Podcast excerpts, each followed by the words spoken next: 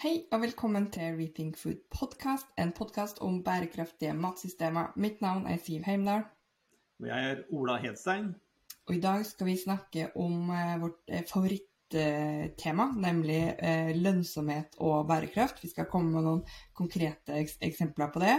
Vi skal snakke litt om innovasjonstalen, som er fredag 10. juni. Eh, og så skal vi se litt litt mot sensommeren hva vi skal finne på på Arendalsuka. For da vi må vi må på jobb etter sommerferien også, vet du. Ja, om enn lenge, lenge, lenge til, for jeg har behov for å ha mye ferie i sommer. Ja, det blir spennende å se om du kommer tilbake fra Hellas, eller om du blir, blir værende der. Men vi, vi satser nå på at du kommer tilbake. Ja, eh, siden kona er med, så klarer jeg vel å dra meg på et fly igjen, men det blir motvillig. Ja, vi, vi, får se. Men for å motivere deg litt eh, til å komme tilbake, da, så skal vi snakke om eh, noe av det som eh, vi ofte er ute og messer om, nemlig det at eh, hvis vi ikke får til at en bærekraftig omstilling blir lønnsom, så får vi faktisk ikke til denne omstillinga. Vi kan bare glemme det.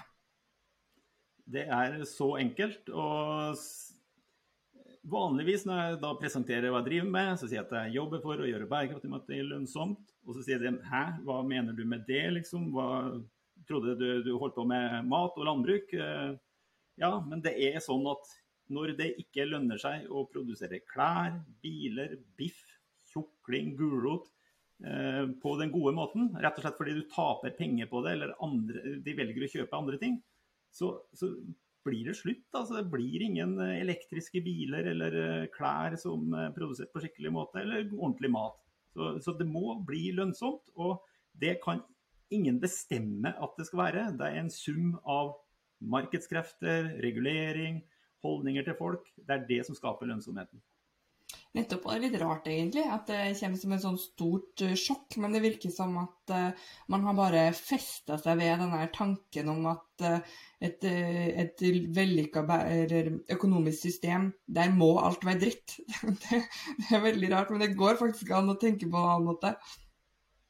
Ja, det, det er jo det, det, som jeg syns er et sånn supergodt eksempel på at samfunnet kan ta ansvar og gjøre en stor forskjell for å vri lønnsomheten. Eh, det var når man på 80-, tidlig 90-tall i en rekke land innførte prinsippet forurenser må betale.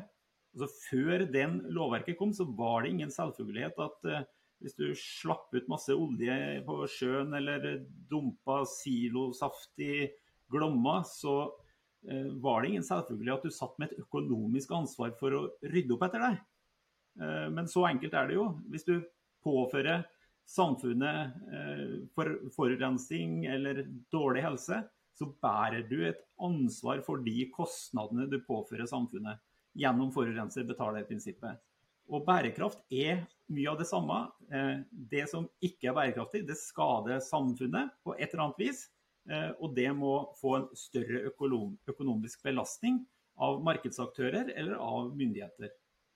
For meg så var det, eller jeg fikk litt sånn aha-opplevelse for eh, nå begynner det å bli noen år siden, da, men da vi først begynte å jobbe sammen i vår tidligere jobb i Norsk Landbrukssamvirke, så trakk du opp nettopp det poenget her med Tesla.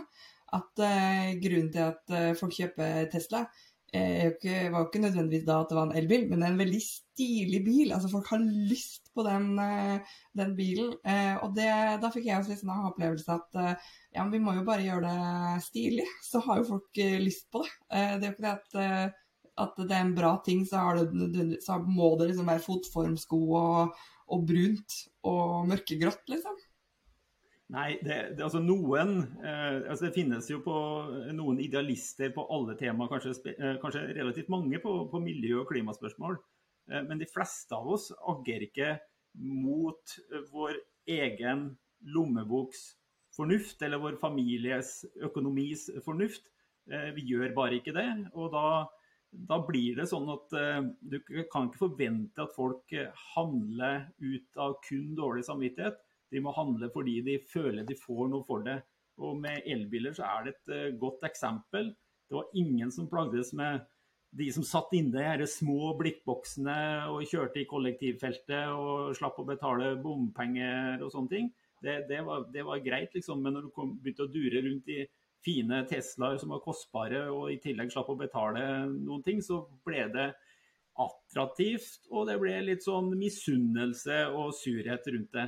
Så elbiler eh, som er eh, gode, bra å kjøre, de har et marked. Elbiler som har eh, dårlige å kjøre, og som kjører veldig kort og lang, med dårlig rekkevidde, de har et uh, bitte lite marked uh, som først og fremst fylles av idealister. Og på mat er det det samme.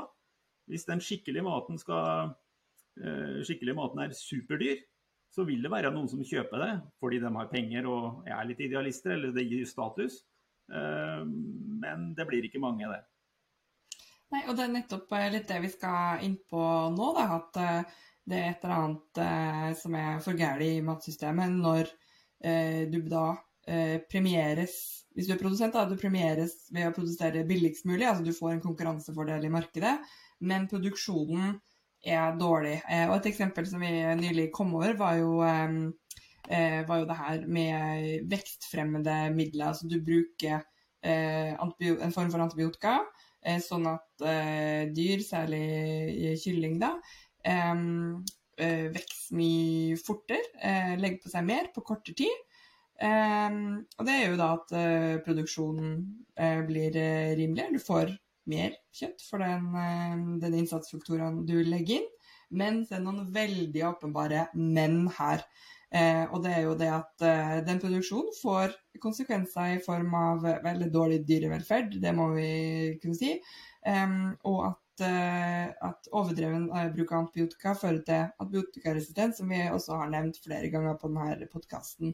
Men det som er litt uh, nydelig nå, da, det er jo at Frankrike ønsker å forby den uh, først og fremst importen. Det har vært forbudt i, i, Norge veldig lenge, men også i EU. Men de ser også at det heller jo ikke bare at vi forbyr det her lokalt. Vi har jo nødt til å sørge for å stoppe det her over hele verden. Skal det på en måte være noe vits? Ja, For å bruke egentlig ordene til franskmennene som står eh, bak det presset for å få EU til å stramme inn ytterligere, eh, og samtidig innført eh, tidligere regler i Frankrike, så, så sier han at det er veldig enkelt. Vi må jo forhindre at det er mulig å dumpe dårlig mat i det franske markedet som utkonkurrerer franske bønder som det stilles strenge krav til. Eh, og på antibiotika så har de jo rett, og på hormoner så har de jo rett. Der, der er det ikke lov til å bruke det.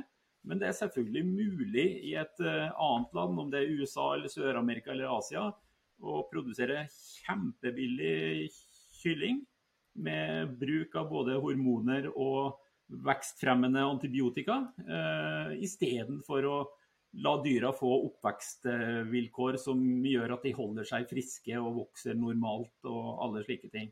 Og Nå sier da Frankrike at nok er nok. Eh, om ikke EU kan stramme til like fort som oss, så tar vi og forbyr kylling produsert med antibiotika, eh, vekstfremmende antibiotika eh, i det franske markedet. Og det burde jo ærlig talt de norske politiske partiene konkurrert om å foreslå innført i, i Norge. Vi, vi, vi, har jo så mange ting som uh, matprodusenter i Norge er ansvarlig på, og hvor vi har strengere regler. Og de griner jo hver gang når de ser at produktene deres ligger i butikken og konkurrerer med noe som de vet er produsert på metoder som ikke er tillatt i Norge, og som ikke er bærekraftig, og som har mange dårlige konsekvenser. Eh, og dette vet jo ikke vi som forbrukere, eh, og derfor så, så bryr jo ikke vi oss om, om, hva vi skal velge i butikken, for vi regner jo med at det er forsvarlig å spise alt som selges i det norske markedet. Men egentlig er det ikke sånn. Jeg må innrømme at jeg ble jo litt eh, overraska. Jeg følger jo bitte lite grann mer med enn den vanlige forbruker akkurat på matområdet. Men jeg, jeg hadde bare en sånn implisitt tanke om at eh, ja, ja, men det, det, importerer jo ikke vi. vi. Importerer jo ikke det i Norge. Det, det kan umulig være lov, tenkte jeg før jeg da liksom leste den artikkelen og, og, begynte å grave litt. Men det er faktisk det. Ja, det er det. For det er det, altså, Regelverket i Europa sånn grunnleggende, det er jo likt, så å si. Og vi er jo forplikta til å følge alle EU-regler på mattrygghet, eh, eksempelvis. Uh, og, og, Derfor er det, det er eh, mye likt. Men alt er ikke likt. Uh, og så har vi i tillegg da, at den norske landbruket eller matindustrien har etablert standarder eller en praksis som har en høyere kvalitet, som ikke er regulert. Da, da, er det på en måte sjølpålagt. Eh, men det burde jo være noen fordeler med å gå foran og ta et ansvar, og ikke en ulempe eh, rent eh, økonomisk å gjøre sånne ting. Og man kan ikke overlate til forbrukere å være den som skal sortere mellom gode og dårlige produkter i ett og alt. Til det så blir det for krevende å sitte med nok informasjon i kjøpsøyeblikket. Så skal man ha en vridning over til det bærekraftige i tråd med målene vi skal nå i 2030, så må man gi fordeler og premiere den eh, gode og riktige produksjonen. Og så må man da også bli flinkere til å se forskjellene på produksjonen rent vitenskapelig, så det ikke blir synsing på dette området. Og det Frankrike gjør, er jo sånn eh, no-brainer på en måte. Det er veldig tydelig. Vekstfremmende antibiotika brukt i kjøttproduksjon og fisk. Det skal ingenting på det franske markedet å gjøre. Da får de ikke markedsadgang. Eh, og med det eksempelet så er liksom konsekvensene så alvorlige at det bør være uproblematisk å innføre en sånn handelshindring. Eh, og det bør være lav risiko for at WTO eller andre handelspartner kommer og stiller deg for retten fordi du har gjort disse tingene. Det er overmodent å innføre.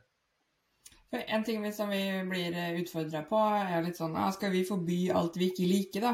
Eh, men, eh, og det er jo ikke noe som eh, man trenger å trekke opp av hatten støtt og stadig, men jeg er enig med deg at akkurat i det tilfellet her, hvor, hvor, det er så alvorlige som konsekvenser som går ut fra denne veldig dumme måten å produsere mat på, så er det egentlig en no-brainer. Ja, er, vi kan ikke forby alt vi misliker. Det må begrunnes og være seriøst og saklig. Eh, og nå er jo anledningen eh, blitt eh, bedre på å gjøre sånne vurderinger. Fra, for nå har liksom alle land, så å si, og alt næringsliv forplikta seg til at man skal gjennomføre bærekraftsmålene til, til FN. Og da er det satt tidsfrister på det. Og da må vi ta i bruk de liksom sterke virkemidlene for å få det til å skje. Hvis ikke så blir målene bare politiske floskler. Og folket har jo også i stor grad tilslutta seg ideen om et uh, bærekraftig uh, samfunn uh, som vi kan overlate til neste generasjon forsvarlig. Det, så dette er modent og mulig å gjøre på en helt annen måte enn enn på tidlig 2000-tall, hvor det her bare ville blitt tatt som i-landenes forsøk på å innføre handelshindringer, og ikke noe mer enn det. Men et annet eksempel da, eh, på en aktør som, eh, som har skjønt at eh, det må, må, lønne seg om vi skal få til en innstilling, og det er jo da Tine. De har jo nå gått ut og sagt at de gir to øre mer per liter. Det høres kanskje ikke så mye ut, men, men bonden får jo da rundt 5,5 øre, 5,5 kroner med det, per liter melk akkurat nå. Så kan hende at det prisen endrer seg. Så da får du da to øre mer hvis de da eh, produserer melka på en litt mer bærekraftig måte. Og i det så har Tine da definert eh, at de skal ta i bruk landbrukets klimakalkulator, eh, og at de skal være med i dyrevelferdsprogrammet. Noe som de aller, aller fleste bønder allerede er, da, egentlig. Så jeg tenker at uh, det er i hvert fall en uh, fin liten start. Uh, noen som, som har liksom skjønt at du må bjuda på litt mer og komme med noe mer enn bare den der sytinga og klaginga og pisken. Ja, det, det, er sikkert mange som mener at det skulle vært noen øre til for at det virkelig skulle bety noen ting. Men det er også et viktig signal at én stor aktør da innenfor meieri tar og sier til sine leverandører, og til dels eierne sine også, at uh, dersom du bruker klimakalkulatoren, uh, og dersom du er med i det dyrevelferdsprogrammet som vi har forplikta oss til å følge som selskap, så får du litt ekstra. Så de betaler eh, bonden litt for bryderiet med å forholde seg til flere regler, og for å registrere informasjon som gjør at Tine som selskap blir i stand til å jobbe systematisk med å redusere klimagassutslippene fra, fra primærsiden i deres verdikjede. Ja, jeg blir glad for da jeg hørte det. At, uh, jeg er selvfølgelig enig i at det uh, skulle kanskje vært noen, uh, noen, øre mer, men det er i hvert fall en start. Det er noen som sier at jo, men vi skjønner at, at, det er en økonomisk byrde for dere, og det må vi, må vi gjøre noe med. Og så er jo da, antar jeg da, at planen er at Eh, at det blir en standard på sikt. Eh, nå skal vi snakke litt om innovasjonstalen. Det er jo en eh, årlig affære hvor Innovasjon eh, Norge setter innovasjon på agendaen og holder på en måte en slags rikstale om tingenes tilstand innen norsk innovasjon. Og den har vi jo fulgt med interesse lenge, og i år er vi særlig glad for at mat har blitt løfta opp så høyt på agendaen. Eh, kanskje ikke så rart med tanke på den situasjonen vi er i. Eh, men eh, det er jo da tittelen er 'Verden trenger norske løsninger', og det er vi veldig enig i, spesielt på, på mat- og teknologifronten. Det er litt spennende, og vi vet jo av et uh, agritech-selskap som skal bidra i, i, forbindelse med innovasjonstalen, så vi håper jo at det kommer fram virkelig de mange gode løsningene som eh, Norge både har, og som allerede begynner å bli lagt merke til i både Europa og resten av verden. Men jeg tenker det er særlig riktig da, på, på, her, eh, på mm, landbruksteknologi eller agtech eller agrifoodtech. Vi har jo en egen podkast hvor vi prater om dette temaet og ikke klarte å bli enige om navn, så den podkasten har jo tre navn um, med alle de her mulige varianter. Um, men det er jo fordi at uh, i Norge så er vi ganske vant til å produsere mat under marginale forhold. Uh, og det har jo ført til at vi har måttet tenkt uh, ganske annerledes også rundt hvordan vi bruker teknologien. Og den tankegangen om å utnytte marginale areal og produksjonsforhold begynner nå da å bli relevant for andre deler av verden. Pga. den matsikkerhetssituasjonen vi er i dag, men også pga. klima og miljø. Så det er aldri så gærent at det ikke er bra for noe, er noe som heter. Nei, det, det, er jo sånn når vi liksom legger beslag på så store ressurser på planeten, eh, og skal bruke så mye mindre fossile ressurser, så blir disse fornybare ressursene veldig viktige. Og da har vi jo grunnen egentlig to typer fornybare ressurser. Det er energi, som kan komme fra vann og vind og sol. Eh, og så har vi fornybare biologiske ressurser som kommer fra havet, jorda og skogen. Eh, og jorda skal vi jo bruke til, og havet skal vi jo bruke til å produsere mat, men vi må gjøre det veldig, veldig i takt med naturen for at det skal bli nok mat. Eh, og vi må sørge for å utnytte rest, resten fra matproduksjon som hydrokarboner til produksjon av plast og klær og alle mulige ting som vi omgis med i det daglige, for vi skal bruke mindre olje til slik produksjon. Så timinga er jo veldig god, fordi den teknologiutviklinga som er nå, da, med den digitaliseringa som skjer i resten av eh, samfunnet, eh, det er mye nye fancy sensorer, bitte, bitte små sensorer, så små som bitte små som mygg, eh, som eh, kan faktisk eh, brukes til å fly rundt og oppdage dyresykdommer eller ta temperaturer eller hva det enn skal være. Eh, veldig morsomme ting. Eller vi har kommet så langt at eh, roboter faktisk begynner å bli funksjonelle og ikke bare gå rundt og kjøre på folk og mose bær og ta livet av eh, det de kommer, kommer over. Eh, at eh, dataene våre har så store verktøy at de faktisk klarer å kjøre så store beregninger eller modelleringer.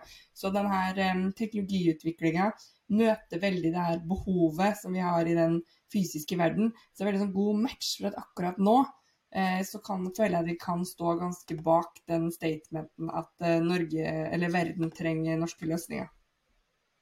Ja, det er jo selvfølgelig litt sånn breialt å, å si det på, på, den måten, men eh, det, det, det, er en sammenlignbar mulighet og utfordring som vi har hatt på utnyttelsen av de ressursene i havet i form av olje og gass.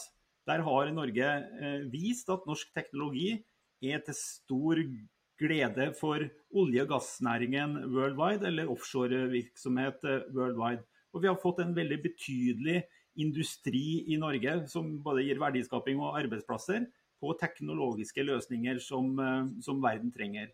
Og Forskjellen er jo nesten ikke til stede i hele tatt i forhold til eh, da agriteknologi og foodteknologi. Det er mye av den samme grunnleggende kompetansen som kan flyttes over fra eh, fossil virksomhet til fornybar virksomhet.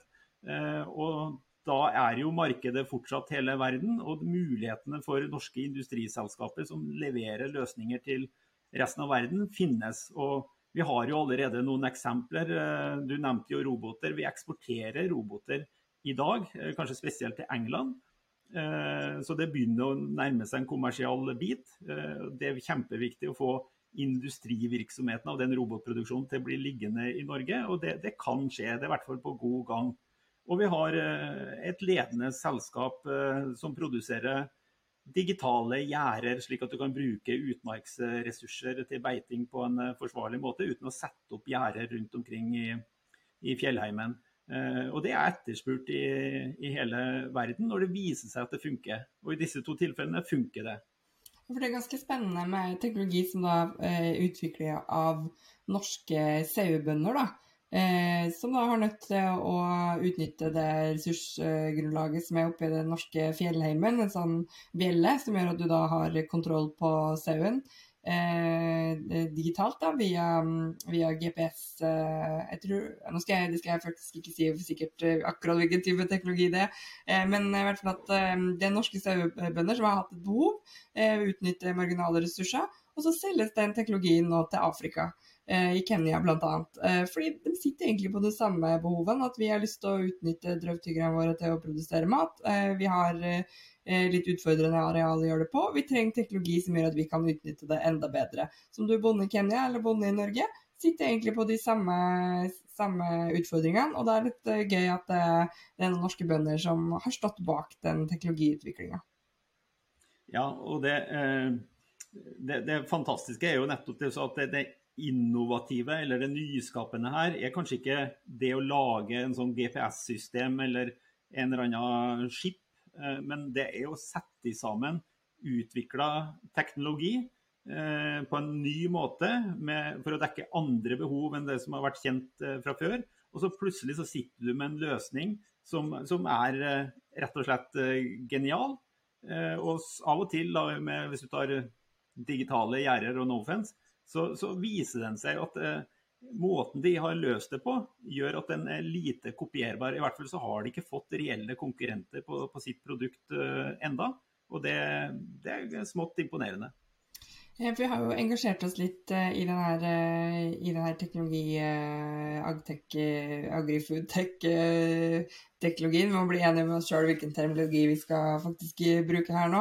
Um, Eh, men det får oss en sånn fin liten Segway over til neste eh, på agendaen, og det er jo det her hva vi skal finne på på Arendalsuka. Og Hvis du er veldig nysgjerrig på hva norsk eh, agri-foodtech har å tilby verden, og tilfeldigvis også har tenkt å dukke opp på jobb etter sommerferien, så anbefaler jeg jo at du starter arbeidsuka på Arendal, hvor vi skal være med på en liten seanse på dette temaet.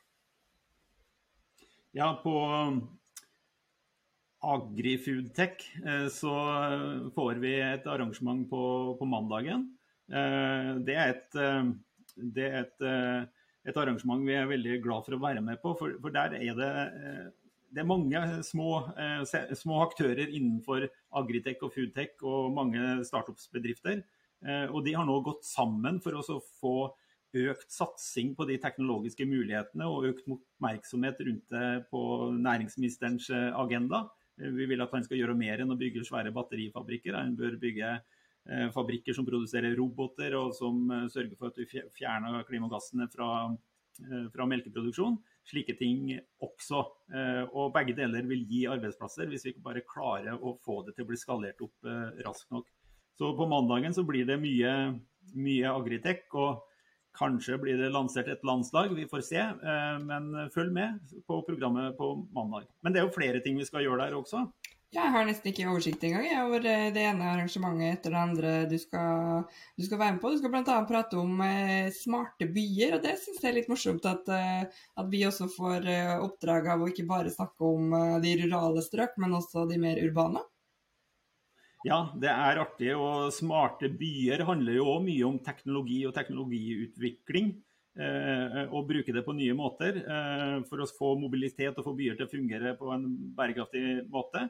Eh, så det er beslekta der. Men det, det, smarte byer har satt på agendaen og invitert oss eh, med på, det er det de kaller pos, eh, Mission Possible. Hvordan sikre nok mat til disse byene på en bærekraftig måte, til tross for den bakteppet som er tegna opp nå, Putins angrep på, på Ukraina. Og Der skal vi få lov til å snakke med Eh, med en ekspert i NIBIO, Norsk institutt for bioøkonomi, som vi kjenner godt, Arne Bardalen. Eh, han er jeg vel ikke så veldig uenig i, så må jeg konstruere noe, noe krangel med likevel. Og så er det en fyr eh, fra Skretting som jobber med bærekraftige fiskerier. Og da skal vi ta for oss det store bakteppet og hvordan får du øka matproduksjon i en vanskelig eh, situasjon på kort sikt og en krevende eh, situasjon på lang sikt. Eh, og samtidig gjør det i takt med naturen. Så spennende. Det, jeg synes det er veldig gøy at uh, mat begynner å engasjere flere enn bare de som uh, produserer den. Uh, så det, det, er jeg veldig glad for, og, og at, at, det er flere som velger å sette, sette på agendaen, også på under Arendal. Ja, og så må vi jo nevne i hvert fall Eh, ser det ut til at eh, det blir et eh, arrangement om matmerking. Altså hvordan skal vi sørge for at forbruker, midt oppi all den informasjonen vi gjerne liker å snakke om, får forutsetningen til å velge riktig av hensyn til klima, riktig av hensyn til helse og ernæring og dyrevelferd og alle disse temaene som er så viktige når man skal finne den bærekraftige måten å produsere mat på. Det, det, er vanskelig å si at uh, ett merke sørger for at alle gjør de riktige valgene. Det ligger alltid dilemmaer og mot, uh, målkonflikter på den biten der. Uh, men betydningen av å gjøre forbrukerne så godt som mulig i stand til å gjøre fornuftige valg når de ønsker det, det er en betydelig oppgave til matindustrien. Og det er fint at det inviterer til debatt om det. Så det ene temaet etter det andre. Det høres ut som du faktisk må komme deg hjem fra den der eh, greske øya, for du har eh, nok å henge fingrene på den eh, tredje uka i august i hvert fall. Ja, og så må jeg komme meg fra Arendal også, for på fredagen samme uka så har du en fantastisk konferanse på Finnøy i Rogaland. Der er tomatfestivalen, og der skal jeg også snakke om litt de samme tingene. Åh, det høres helt uh, nydelig ut å få være med på tomatfestival. Jeg tenker mange av de som sitter og hører på nå, blir ikke grønn av misunnelse, men rød av misunnelse. Jeg er spent på om de har det samme som uh, i det er vel Italia, hvor de har en sånn tomatfestival hvor de driver og pælmer tomater på hverandre. Det kan jo hende, vet jo ikke. Kanskje det blir tomatkrig uh, på på Finnøy i august. Hmm, så spennende. Nei, men det, det, får vi bare da eh, finne ut av. Eh, vi må begynne å runde av, men eh, før det så skal jeg bare minne folk om at vi har livezoom på Facebook hver fredag. Det skal vi ha et par uker til. Og denne fredagen må vi i hvert fall følge med, for da skal vi da snakke med Ole Erik Lunder fra Greenhouse. Vi skal da lansere en verdensnyhet så det, det, blir veldig spennende. Og hvis du ikke fikk lyst til å høre på nå, da vet jeg ikke. Da kan jeg kan ikke selge inn den episoden eh, noe bedre. Men du kan også vente til tirsdag, eh, hvor den da dukker opp som podkast, hvis du heller velger å høre på den måten. Så da tror jeg vi avslutter der med veldig spennende cliffhanger, og så snakkes vi igjen. Det gjør vi. Ha det godt. Ha det.